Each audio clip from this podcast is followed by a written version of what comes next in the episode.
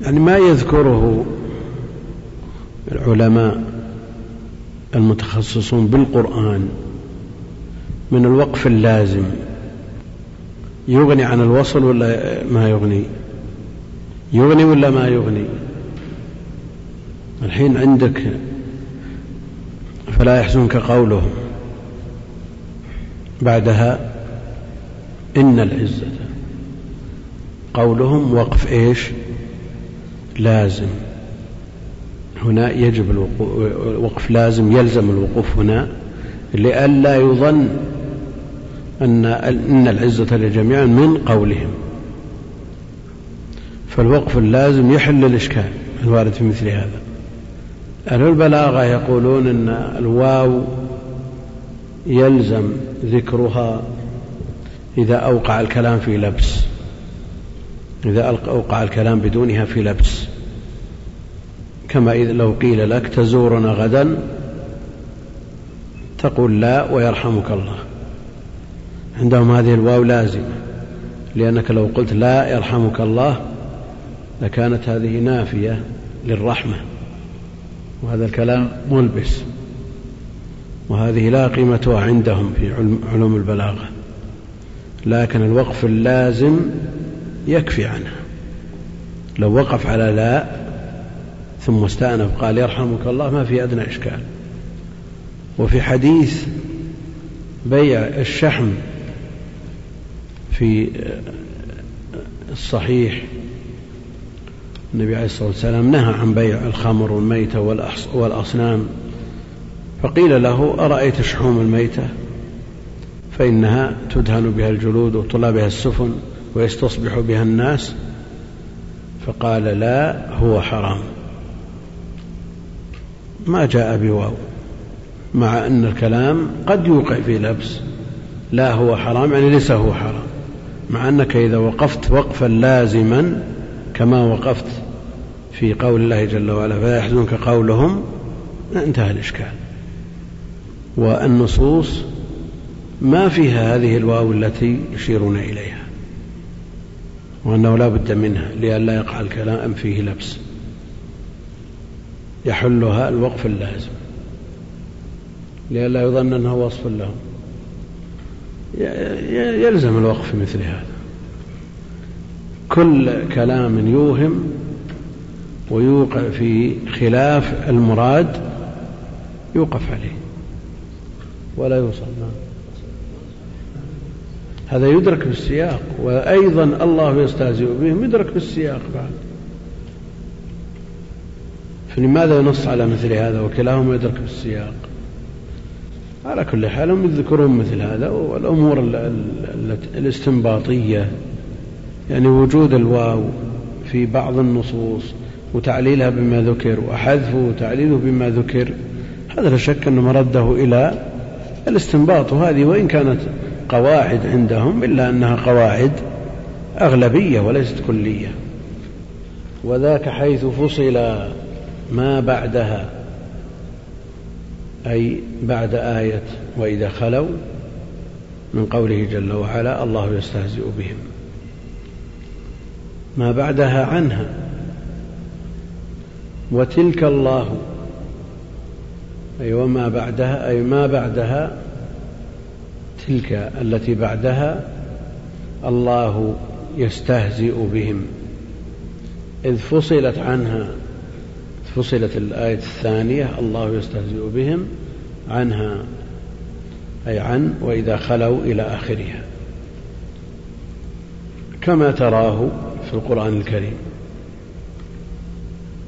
مثال النوع الثاني الوصل.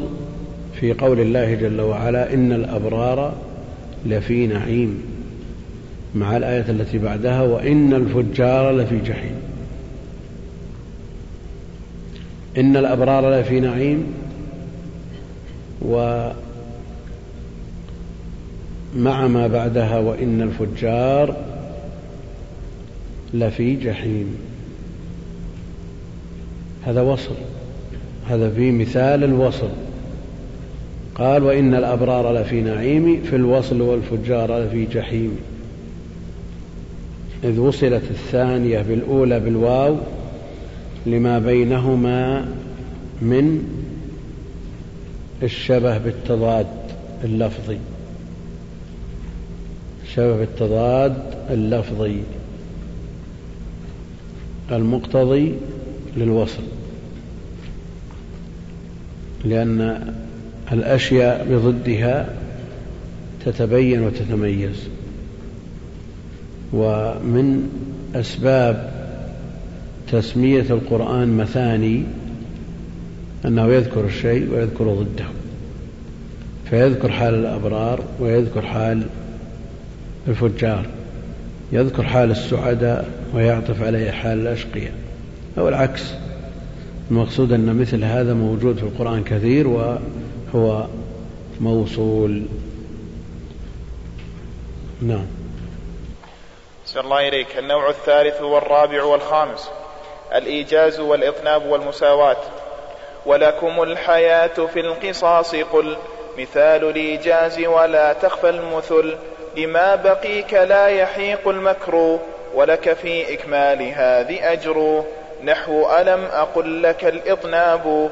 وهي لها لدى المعاني باب. بعد هذا ذكر المؤلف رحمه الله تعالى ثلاثة أنواع متعلقة بالألفاظ وهي الإيجاز والإطناب والمساواة. تتنوع الأساليب بالنسبة للمتكلم حسب نوعية السامع. فمن السامعين من يفهم بسرعة بمثل هذا يناسبه الإيجاز ومنهم من هو متوسط الذي يفهم بسرعة لو أطنب له مل الكلام وانصرف عنه. وضده الذي لا يفهم مثل هذا يطنب له ويبسط الكلام. إذ لو أوجز له لاحتاج إلى إعادة وتكرار كثير حتى يفهم. وبينهما المتوسط الذي يحتاج إلى المساواة. فالإيجاز في قلة الألفاظ مع كثرة المعاني. في قلة الألفاظ مع كثرة المعاني. يقابله الإطناب العكس. كثرة الألفاظ مع قلة المعاني. ويتوسطهما المساواة بمعنى أنها تكون الألفاظ بقدر المعاني. ثم ذكر على الأنواع الثلاثة أمثلة. ولكم الحياة في القصاص قل الآية ولكم في القصاص حياة يا أولي الألباب. قل هي مثال الإيجاز لأن معناها كثير ولفظها قليل لفظها يسير ولكم في القصاص حياة. كم كم كلمة؟ أربع كلمات. لكن تتضمن معنى عظيما لكم في القصاص حياة. قد يقول قائل القصاص موت. القصاص الذي هو قتل الجاني موت. فكيف يكون لنا حياة؟ تصور الإنسان الحكم المترتبة على إقامة الحدود من ردع للجاني واعتبار لغيره به أدرك مثل هذا. فإذا قتل القاتل الجاني قتل غيره وترك ما قتل ما الذي يترتب على هذا؟ يترتب عليه أنه قد يقتل مرة ثانية وثالثة ورابعة إذا لم يجد من يردعه. وقد يترتب عليه أن أهل المجني عليه يأتون ليقتلوه وقد يستنجد بقومه فيقتل منهم ويقتل من الطرف الثاني ثم يؤخذ بالثار ثم تقوم الحروب التي هي ضد الحياة. فإذا قتل الجاني وحده واحد فقط انتهى الإشكال. بينما لو ترك بدون قصاص وبدون حياة. بدون قتل لترتب عليه ما سمعنا. أن الثار الانتصار للنفس والقريب هذا غريزي. لن يترك. قاتل ولدك قاتل أخيك قاتل أبيك هذا لن يترك. لا بد أن تتسبب في في قتله. وهذا جرى ويجري.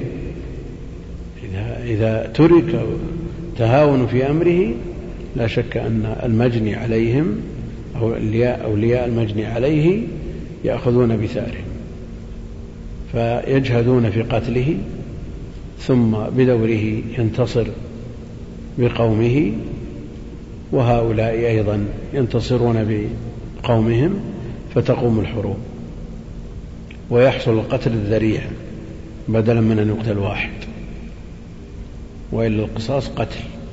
موت للجاني العرب يقولون القتل أنفى للقتل. القتل أنفى للقتل.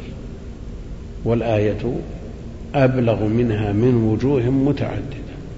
ذكرها أهل العلم في كتب البلاغة. وجوه متعددة. ولكم ولكم الحياة في القصاص. يعني في آية القصاص قل هي مثال الإيجاز ولا تخفى المثل جمع مثال. الأمثلة على هذا كثيرة. والنبي عليه الصلاة والسلام أوتي جوامع الكلم واختصر له الكلام اختصارا. أوتي جوامع الكلم ويلاحظ على كثير من الناس سواء كانوا من من المؤلفين كتبهم مختصرة جدا وعلمها كثير ومبارك ومنهم من يأتي بالكلام الكثير جدا في بحث مسألة يمكن اختصارها بصفحة. هذا إطناب في الغالب كلام مكرر لا داعي له. الخطبة أحيانا يأتي الخطيب بكلام يردده على مدى ساعة لو اختصره في خمس دقائق لأمكن. والإطناب قد يمدح إذا احتيج إليه إذا احتيج إليه قد يمدح لكن إذا كان مثار للملالة والسآمة من السامع أو لنسيان بعضه بسبب طوله بعضه ينسخ بعضا مثل هذا مذموم. فالإيجاز هو هو هو المحمود والمساواة بينهما. لما بقي من النوعين الآخرين. مثال كلا يحيق المكر يعني المكر السيء إلا بأهله. هذه معناها مطابق للفظها من حيث طول الكلام وقصره وكثرة المعاني وقلتها متساوية. كلا يحيق المكر يعني المكر السيء إلا بأهله. بقدر المعنى. لكن من يحدد أن هذه الآية بحروفها المعدودة بقدر المعنى؟ لماذا لا يقول قائل إن, إن دلالة لا يحق المكر السيء إلا بأهله على ما تحتمله من معاني مثل ولكم القصاص حياة؟ هو تحتاج استقراء تحتاج إلى فهم لمعناها من جميع الوجوه. وتحتاج إلى قراءة ما قاله أهل العلم في معانيها وما تحتمله. لننظر ما تحتها من من علوم وفوائد وأمور يعني لا قد لا يتم حصرها بسهولة. ولك في إكمالها هذه أجر ولك في إكمال هذه أجر. كلا يحيق المكر إن وقفت عليها يعني في نظمه تؤجر بقدر ما قرأت من حروف لكن أكملت الآية. نعم لك الأجر في كل حرف عشر حسنات. وهذا تكمله البيت وإلا فهو من المعلوم. نحو ألم أقل لك الإطناب؟ الإطناب. ألم أقل لك إنك لن تستطيع معي صبرا؟ يعني في الكهف. وهذه الآية جاءت مرة بدون لك وأخرى بلك. وما دام جاءت بدون هذا الحرف واستقام مع بدون الجار والمجرور واستقام معناها فوجود الجار والمجرور زائد.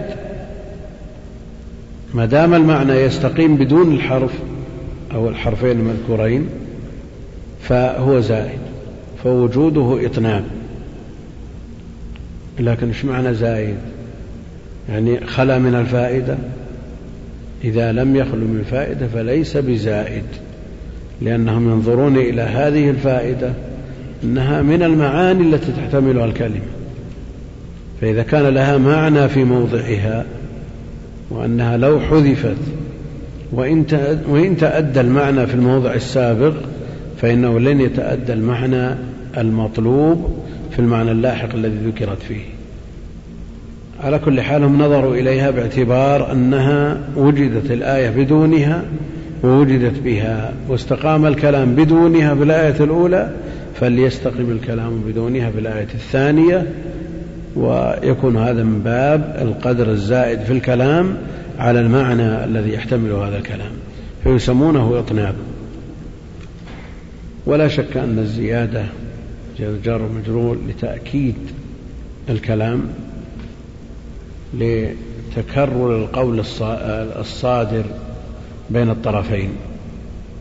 يعني في الأمر الأول قد لا يحتاج إليها لأن الكلام لم يتكرر. فإذا احتيج إلى التأكيد لتكرر الكلام يعني إذا وقع من ابنك مخالفة فتبين له بأسلوب مناسب وكلام مختصر لكن إذا وقعت منه مخالفة ثانية تحتاج أن تزيد في الكلام.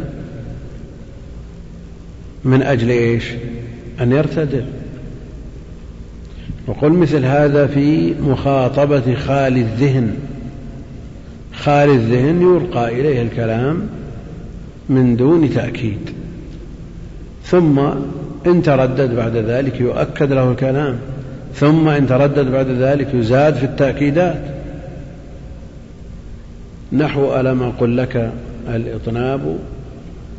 وهي لها أي هذه الثلاثة لدى المعاني باب يعني لدى فن المعاني باب مستقل. باب مستقل. وباب ما ذكر. من الإيجاز والإطناب والمساواة. وكل في مناسبته أبلغ من غيره. فقد يكون الإيجاز أبلغ من الإطناب وقد يكون الإطناب في بعض المناسبات وبعض الظروف بعض الظروف أبلغ من الإيجاز. والمساواة هي الأصل لا يزاد في الكلام ولا ينقص منه. نعم. ثابكم الله النوع السادس القصر. وذاك في المعاني بحثه كما محمد إلا رسول علما. المساواة هي الأصل. الأصل أن الكلام يكون بقدر معانيه. أن الكلام الألفاظ تكون بقدر المعاني. فإن احتيج إلى الإطناب زاد وإن احتيج إلى الإيجاز نقص. النوع السادس من أنواع العقد السادس القصر. والقصر والحصر متقاربان وتخصيص أمر بآخر بطريق مخصوص كالاستثناء مثلا والحصر بإنما وما وإلا والوصف المخرج وتعريف الجزئين وغير ذلك من الأساليب التي تدل على قصر الحكم على بعض ما يتناوله اللفظ وهو قسمان قصر حقيقي وقصر إضافي. قصر حقيقي وقصر إضافي. إذا قلت لا إله إلا الله هذا قصر حقيقي بأنه بمعنى أنه لا معبود بحق إلا الله جل وعلا وهو الذي يستحق أن يكون إلها. ومن عداه وإن عبد من دون الله لكنه لا يستحق الألوهية فالقصر حقيقي. وما محمد إلا رسول ما هو إلا رسول؟ يعني فقط ما له أوصاف غير الرسالة. وما الشاعر إلا حسان قصر حقيقي ولا إضافي؟ إضافي لأن هناك شعراء غيره. لكن القصر قصر الشعر عليه يدل على تميزه في هذا الباب. وذاك أي القصر في فن المعاني بحثه وذلك كقوله تعالى وما محمد إلا رسول علم علم تكمل هذه. فإنه قصر محمد صلى الله عليه وسلم على الرسالة. فلا يتعدى الرسالة التي من مقتضاها أنه بشر. ومن مقتضى بشريته عليه الصلاة والسلام أنه يموت كغيره فلا يتعدى الرسالة إلى الخلود التي هي من خصائص الرب جل وعلا. ولذا جاء في تكملة الآية محمد إلا رسول قد خلت من قبله الرسل. أفإن مات أو قتل انقلبتم. يعني كونه رسول يقتضي أنه لا يخلد نعم الخاتمة. نسأل أثابكم الله الخاتمة. نسأل الله حسنها. اشتملت على أربعة, أربعة أنواع. الأسماء والكنى والألقاب والمبهمات. إسحاق يوسف ولوط عيسى هد وصالح شعيب موسى هارون داود ابنه ابنه أيوب ذو الكفل يونس كذا يعقوب آدم إدريس ونوح يحيى واليسع إبراهيم أيضا إليا وزكريا أيضا إسماعيل وجاء في محمد تكميل هاروت ماروت وجبرائيل قعيد السجل ميكائيل لقمان تبع كذا طالوت إبليس قارون كذا جلوت ومريم عمران أي أبوها أيضا كذا هارون أي أخوها من غير زي من غير زيد من صحاب عزا ثم الكنا فيه كعبد عزا كنا أبا لهب الألقاب قد جاء ذو القرنين يا أواب واسمه اسكندر المسيح عيسى وذا من أجل ما يسيح. فرعون ذا الوليد ثم المبهم من آل فرعون الذي قد يكتم إيمانه واسمه حزقيل ومن على يسين قد يحيل.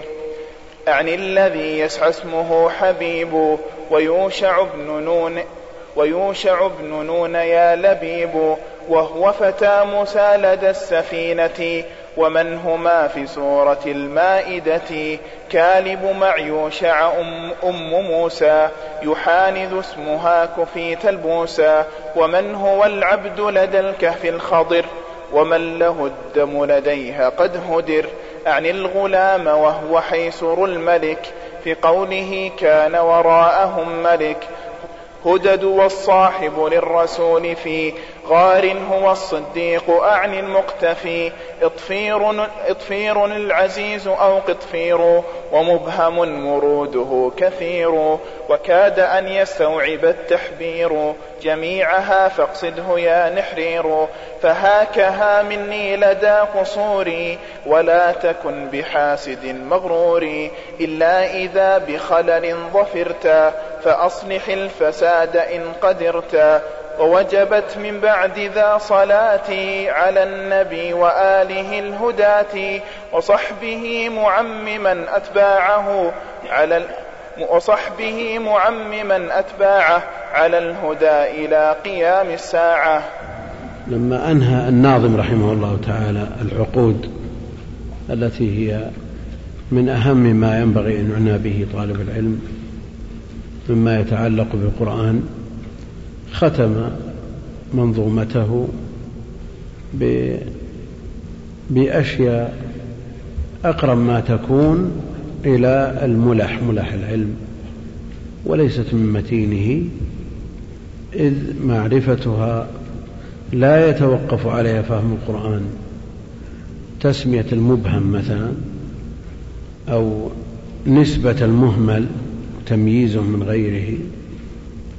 وتعيينه هذه لا يترتب عليها ولا يتوقف عليها فهم المعنى من جهة ولا معرفة الحكم المستنبط أو العبرة أو الفائدة منها من الآية. فذكر في الخاتمة أنها اشتملت على أربعة أنواع الأسماء والكنى والألقاب والمبهمات والأسماء الأعلام التي يسمى بها المولود والكنى ما صدر بأب أو أم واللقب ما أشعر بمدح أو ذم والمبهم الذي لم يعين اسمه في الكلام. فذكر فبدأ بالأسماء وذكر منهم أسماء الأنبياء المذكورين في القرآن وعدتهم خمسة وعشرون. وإلا فالأنبياء جمع, غفير. فنؤمن بهؤلاء على التفصيل ونؤمن بما عداهم على سبيل الإجمال. هؤلاء نؤمن بهم بأسمائهم وأما من عداهم مما دل عليه الأحاديث الأخرى التي دلت على أن الأنبياء عددهم كثير إن كان في حديث أبي ذر ضعف لكن غيره يدل على أن هناك أنبياء غير هؤلاء. وهناك رسل وهم أقل من الأنبياء. فذكر منهم إسحاق وترتيبه لهؤلاء مبني على إيش؟ على الحروف مبني على حروف لا. إسحاق يوسف أول أول حرف وآخر حرف. نعم. على ترتيب ترتيبهم في الوجود الأول فالأول لا. كان آدم من آدم رقم 16 نعم. فليس له ملحظ في الترتيب إلا أن النظم تأتى له على هذه الكيفية. إسحاق إسحاق يوسف. إسحاق بن إبراهيم ويوسف بن يعقوب ولوط بن هاران مع أن التسميات الموجودة في كتب التواريخ لآبائهم فيها اختلاف كبير ويقع فيها تصحيف كثير لأنها لم ترد بها سنة صحيحة ملزمة وإنما هي متلقات. عن المؤرخين. ولذا في تسمية والد إبراهيم عليه السلام اسمه آزر. هذا منصوص عليه في القرآن لكن ومع ذلك يختلف المؤرخون في اسم أبيه اختلافا كبيرا. يعني هل مثل هذا ينبغي أن يختلف فيه؟ قالوا هذا. اختلفوا في اسمه اختلافا كبيرا. مع أن ها؟ نعم هم اعتمدوا على ما عند المؤرخين ووجهوا ما جاء في القرآن. مع أن الأصل أن القرآن هو هو المرجع وهو المحفوظ الذي أما كتب التاريخ يعتريها ما يعتريها. إسحاق بن إبراهيم ويوسف بن يعقوب ولوط بن هاران كما قالوا وعيسى بن مريم وهود ابن عبد الله هكذا في كتب التواريخ وصالح بن عبيد وشعيب بن ميكائيل وموسى بن عمران وهارون بن عمران وداود بن إيشا وابنه سليمان بن داود وأيوب بن أبيض. هذه أسماء يمكن توجد في بعض كتب التواريخ.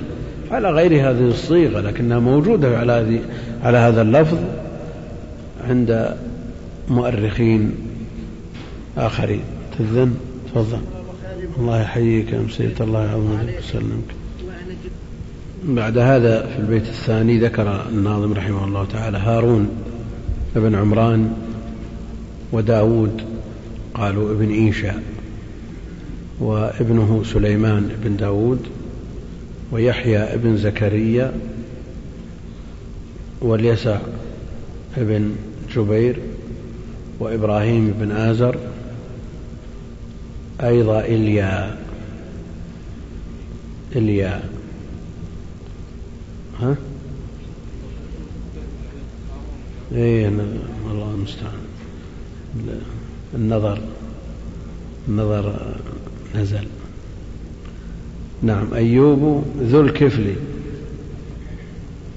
ذو الكفل قالوا في اسمه بشر بن أيوب. بشر بن أيوب. يونس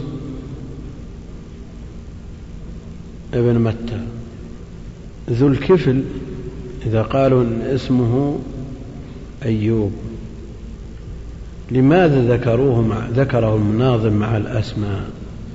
ما ذكره مع الألقاب لأن عندك أسماء وكنى وألقاب مبهمة. إي لكن من الأنبياء من, من سمي ومنهم من لقب. ذكر بالقرآن لكن الخاتمة فصلت إلى أسماء وكنى وألقاب. وذو الكفل لقب وليس باسم اسمه بشر. نعم. إيه لكن يذكره لا يذكره في الألقاب. ما ورد لكن أقول يمكن أن يذكر في, الألقاب لا في الأسماء. ثم الكنى بعدها. ثم بعد ذلك ذكر الألقاب ثم المبهم. وذكر في الألقاب آه، ذا القرنين. نعم واسمه الإسكندر وسماه يعني ذكره في الألقاب. وذكر المسيح في الألقاب. مع أنه جاء أن هذا اسمه في القرآن اسمه المسيح. ما مسألة كونه نبي المسألة في التقسيم إلى أربعة أقسام أسماء وكنى وألقاب فهل ذو الكفل اسم ولا لقب؟ مقتضى جعله مع الأسماء أن هذا اسمه. أن هذا اسمه. نعم. لا اسمه اسمه ما نقول صفته. ولا ذكر أن هذه هذا لقب. لقبه المسيح واسمه عيسى. نعم. فهو ما صح عنده. افترض أنه حقق في المسألة ولا ثبت عنده التسمية التي يذكرها المؤرخون. وكثيرا ما يختلف في اسم من عرف بكنيته أو لقبه. يعني من اشتهر بكنيته أو لقبه يضيع اسمه. حتى يقول بعض أهل العلم أن اسمه كنيته. اسمه كنيته. ذو الكفل يونس بن متى. جاءت تسمية والده في الأحاديث الصحيحة. لا تفضلوني على يونس بن متى. كذا يعقوب بن إسحاق. آدم أبو البشر. إدريس ابن إيش. شو الآن؟ مثل هذه الأمور لعدم أو لقلة فائدتها. لا نقول ما فيها فائدة. تجد ما فيه من أهل العلم من يهتم بتحقيقها وتحريرها. لكن لو ترتب عليها فائدة جاء مبهم في سند حديث لا بد أن يوقف عليه. لماذا؟ لأن ثبوت الحديث متوقف على معرفته. لكن هذه الأسماء التي جاءت في القرآن يكفي أن نعرف الاسم. أما نتتبع كتب التاريخ نعم لو ورد فيها نصوص صحيحة صريحة يعني حفظها والعناية بها من الاهتمام بالقرآن لكن باعتبار أنه لم يرد فيها شيء إلا عن طريق المؤرخين والمؤرخون يختلفون فلا تجد العناية من أهل العلم.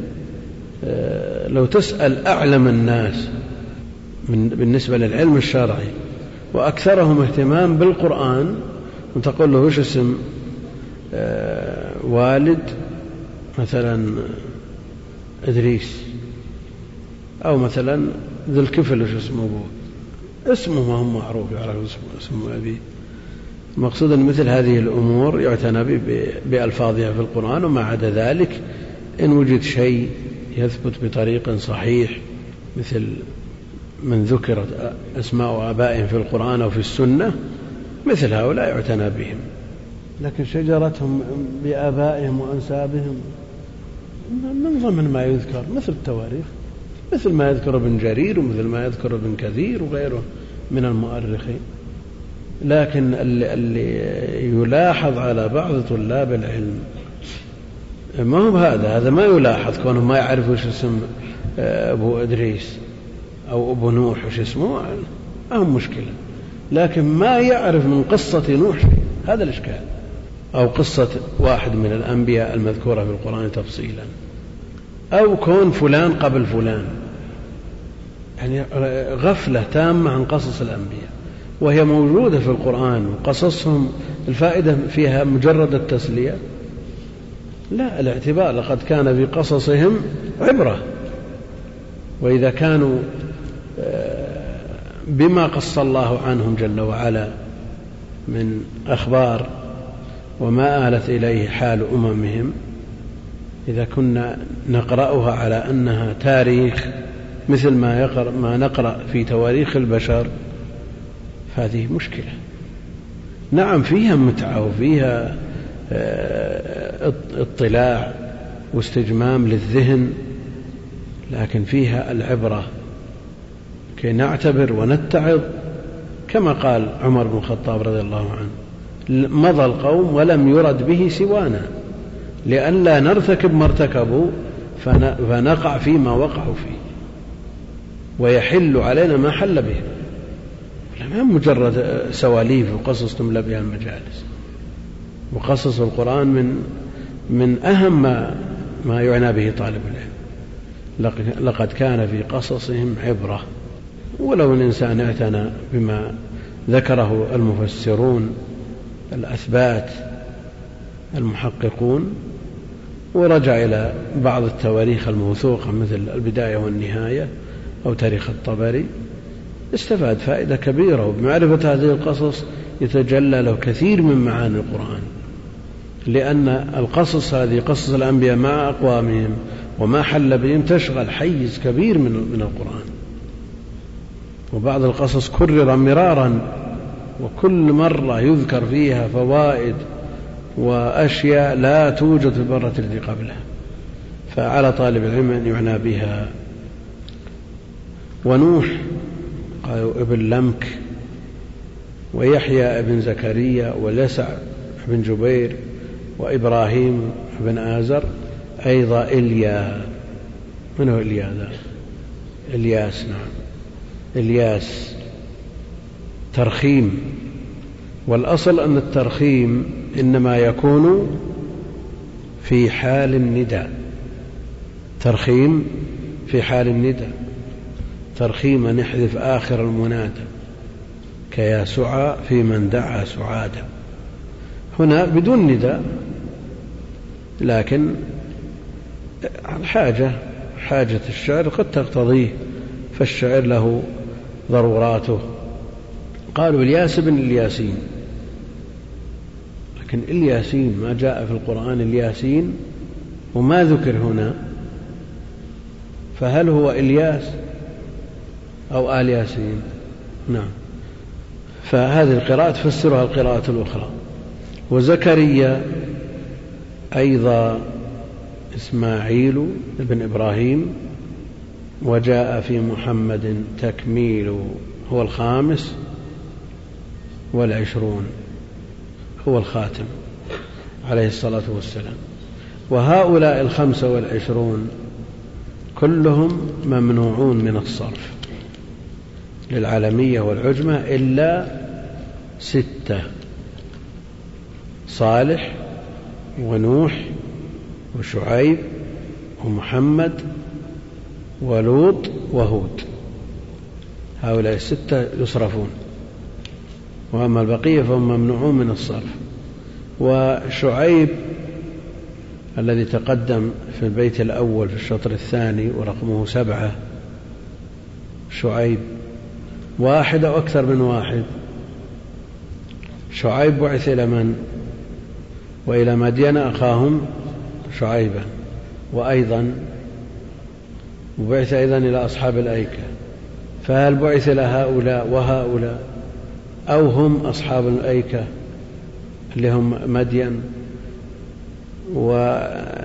وموسى لما ورد مدين وحصل حصل مع صاحب مدين هل هو شعيب أو غير شعيب؟ مسألة خلافية بين أهل العلم يعنى بها طالب العلم ويراجع عليها التفاسير اللي هو والد يحيى. زكريا بن من؟ زكريا.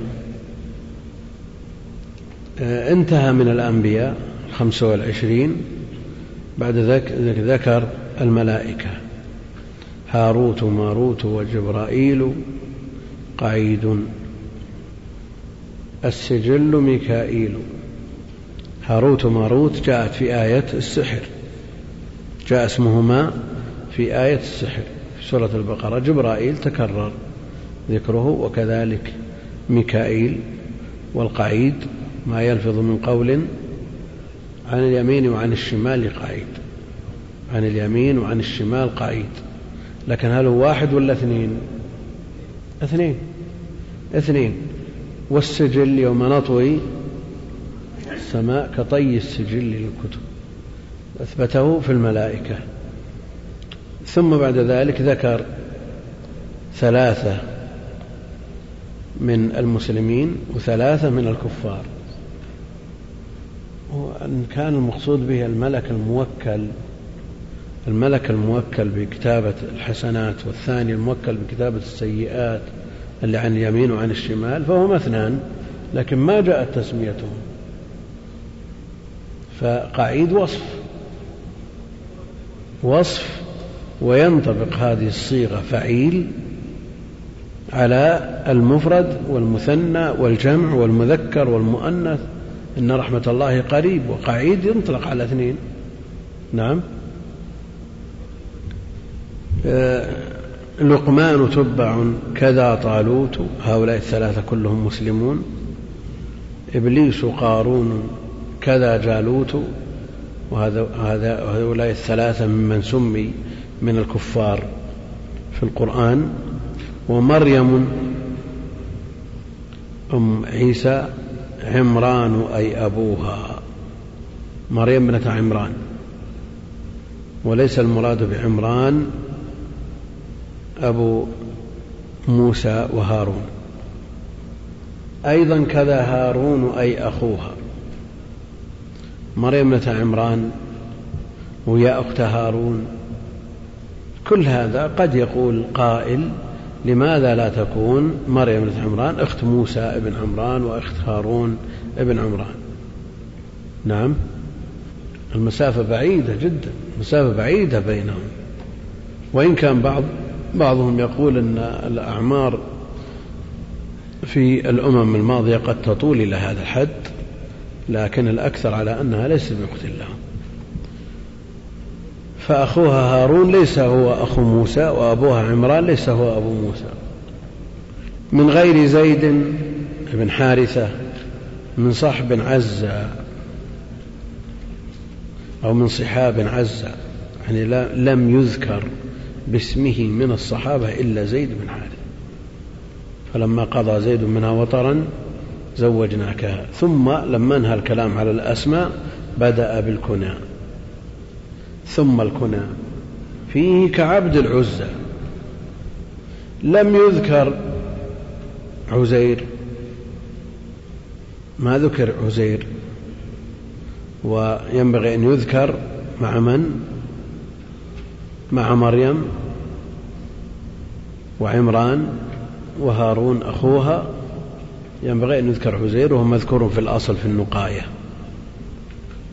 ثم الكنى فيه كعبد العزى الكنى في القرآن. عبد العزى جاء بالتكنية. جاء ذكر أبي لهب بكنيته واسمه عبد العزى. ويقول أهل العلم أن الحكمة في تكنيته وإن كانت التكنية في الأصل تكريم وتشريف يعني هل يستوي أن تقول يا فلان أو يا أبا فلان؟ الكنية ما في شك أنها تشريف. وذكر أبو لهب بكنيته لأن اسمه معبد لغير, لغير الله جل وعلا فالنطق به إيش؟ حرام.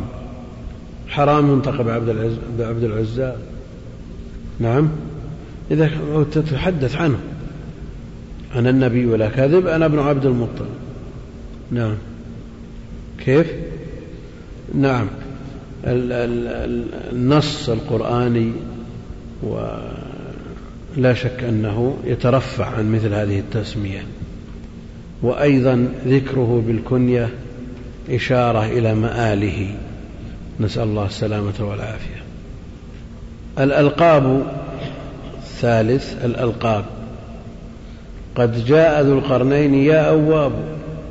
يا كثير الأوبة والتوبة والرجوع إلى الله جل وعلا واسمه على على الأشهر إسكندر.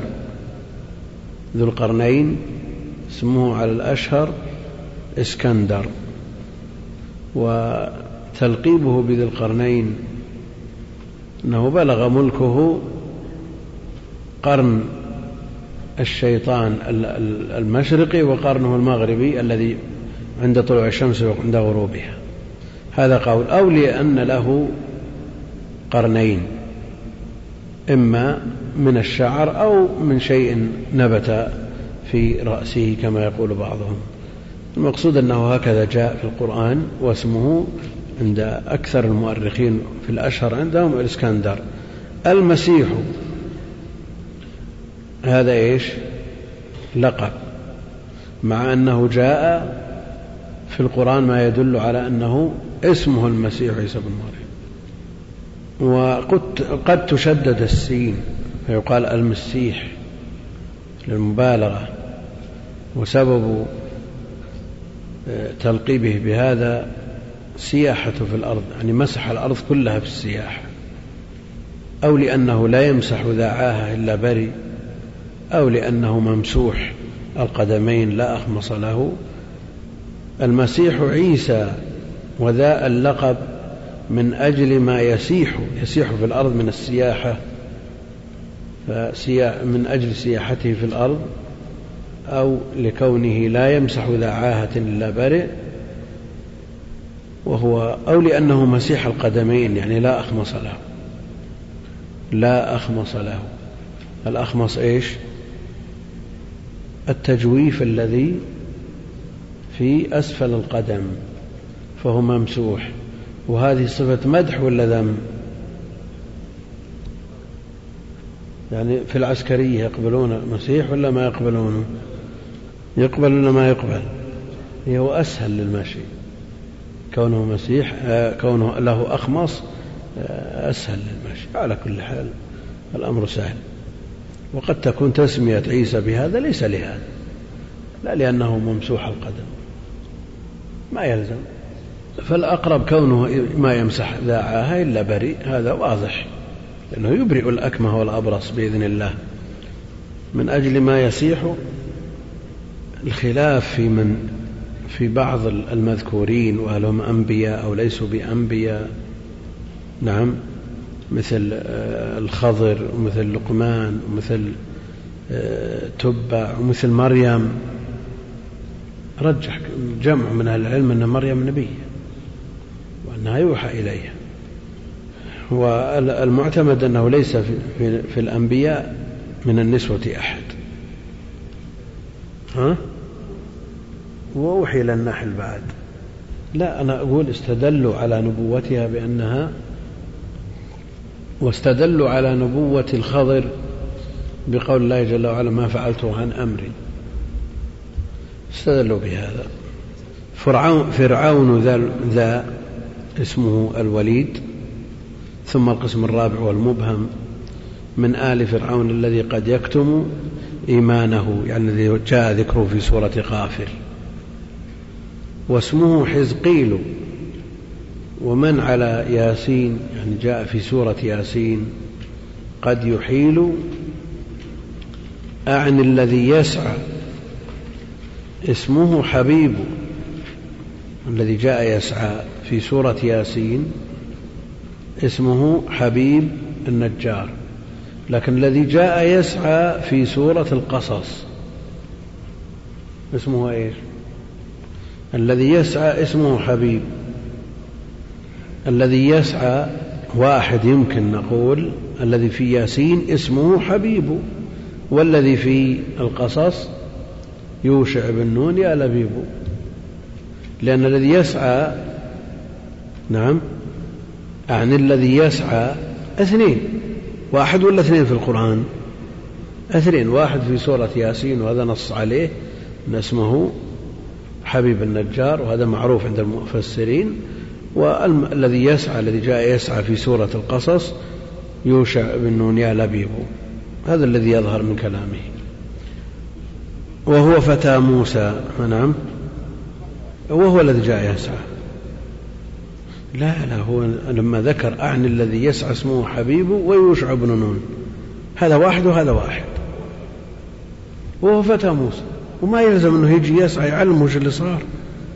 يحذره مما مما يحاك ضده. نعم. وهو فتى موسى لدى السفينة يعني في سورة الكهف إذ قال موسى لفتاه لا أبرح حتى أبلغ مجمع البحرين. إلى أن قال فلما جاوز قال لفتاه هو يوشع بن نون. ومن هما في سورة المائدة؟ قال رجلان من الذين يخافون أنعم الله عليهما ادخلوا عليهم الباب. اسم الاثنين قال رجلان اسمهما كالب ابن يوقنا مع يوشع بن نون. يوشع جاء ذكره مبهما في أكثر من موضع. يعني فسر أكثر من مبهم بيوشع بن نون. أم موسى في سورة القصص فأصبح فؤاد أم موسى فارغا اسمها يوحانث بنت يصهر. تحتاج إلى ضبط والله تحتاج إلى ضبط والجهل بها لا يضر. يكفينا أن نقول أم موسى ولو كان في تسميتها ونسبتها شيء مما يتوقف عليه فهم القرآن أو العمل بالقرآن لسميت. يحاند اسمها كفيت البؤس جملة دعائية. كفاك الله جل وعلا وحفظك من البؤس والشدة. ومن هو العبد لدى الكهف؟ يعني لدى سورة الكهف. في قوله فوجد عبدا من عبادنا الخضر. والخضر لقب. اسمه بليا لا ترجعون إلى كتب التواريخ كتب التفاسير تجدون مثل هذا الكلام مصحف على أوجه كثيرة. كل هذا يدلنا على أنه لو كان مما يتوقف عليه فهم القرآن لحفظه الله جل وعلا من التصحيف والتحريف. الخضر ومن له الدم لديها قد هدر. لديه يعني في سورة الكهف ويختلفون في الخضر من وجوه هل هو نبي أو ولي وهل هو مات أو بقي إلى إلى زماننا أو إلى ما بعده؟ مسألة خلافية بين أهل العلم والجمهور على أنه باقي والذي حققه شيخ الإسلام وغيره من أئمة التحقيق أنه قد مات. ومن له الدم لديها قد هدر بلا قصاص أعني الغلام حتى إذا لقي غلاما فقتله الذي قتله الخضر وهو يعني اسمه حيسور حيسور والملك في قوله تعالى كان وراءهم ملك يأخذ كل سفينة غصبا هدد ابن بدد وكلاهما كما قالوا على وزن صرد هدد بن بدد والصاحب للرسول والصاحب للرسول عليه الصلاة والسلام في الغار إذ يقول لصاحبه لا تحزن إن الله معنا هو الصديق الأكبر أعني المقتفي لأثر النبي عليه الصلاة والسلام. إطفير العزيز أو قطفير العزيز عزيز مصر. إطفير اسمه أو قطفير قولان. ومبهم في القرآن وروده كثير وروده كثير ومرجع تعيين هذا المبهم أو تمييزه إلى النقل المحض ولا مجال للرأي فيه. لا مجال للرأي فيه. كذلك الأسماء لا يدخلها الاجتهاد. ولا يستدل عليها من خلال السياق بما قبلها وما بعدها. ولذا يوصي أهل العلم بتحفظ الأسماء وتلقيها عن أهل العلم والخبرة. لأن الإنسان قد يقرأ اسم راو من الرواة وتصحيفه يسير ويمشي عليه. يعني نعيم بن سالم لو بحثت في كتب الدنيا ما وجدت شخص اسمه نعيم. وهذا يدور اسمه في كتب الكثير في كتب الحديث كثيرا واسمه يغنم بن سالم. والمسألة زيادة نقطة ونقص نقطة. فلو بحثت عن ترجمة لهذا الراوي لن تجد مع التصحيف اليسير. فعلى هذا الأسماء لا بد من تلقيها عن أهل الخبرة والمعرفة الذين ينطقونها كما هي. والعناية بكتب الضبط فإذا ضبط كلمة وحررها وتلقاها وراجع عليها الكتب كما يقول أهل العلم فليودعها سويداء قلبه. ومبهم في وروده في القرآن كثير ومن المبهم ما استأثر الله بعلمه يعني لا تبحث عنه. من من المبهم لا تتعب نفسك في البحث عنه.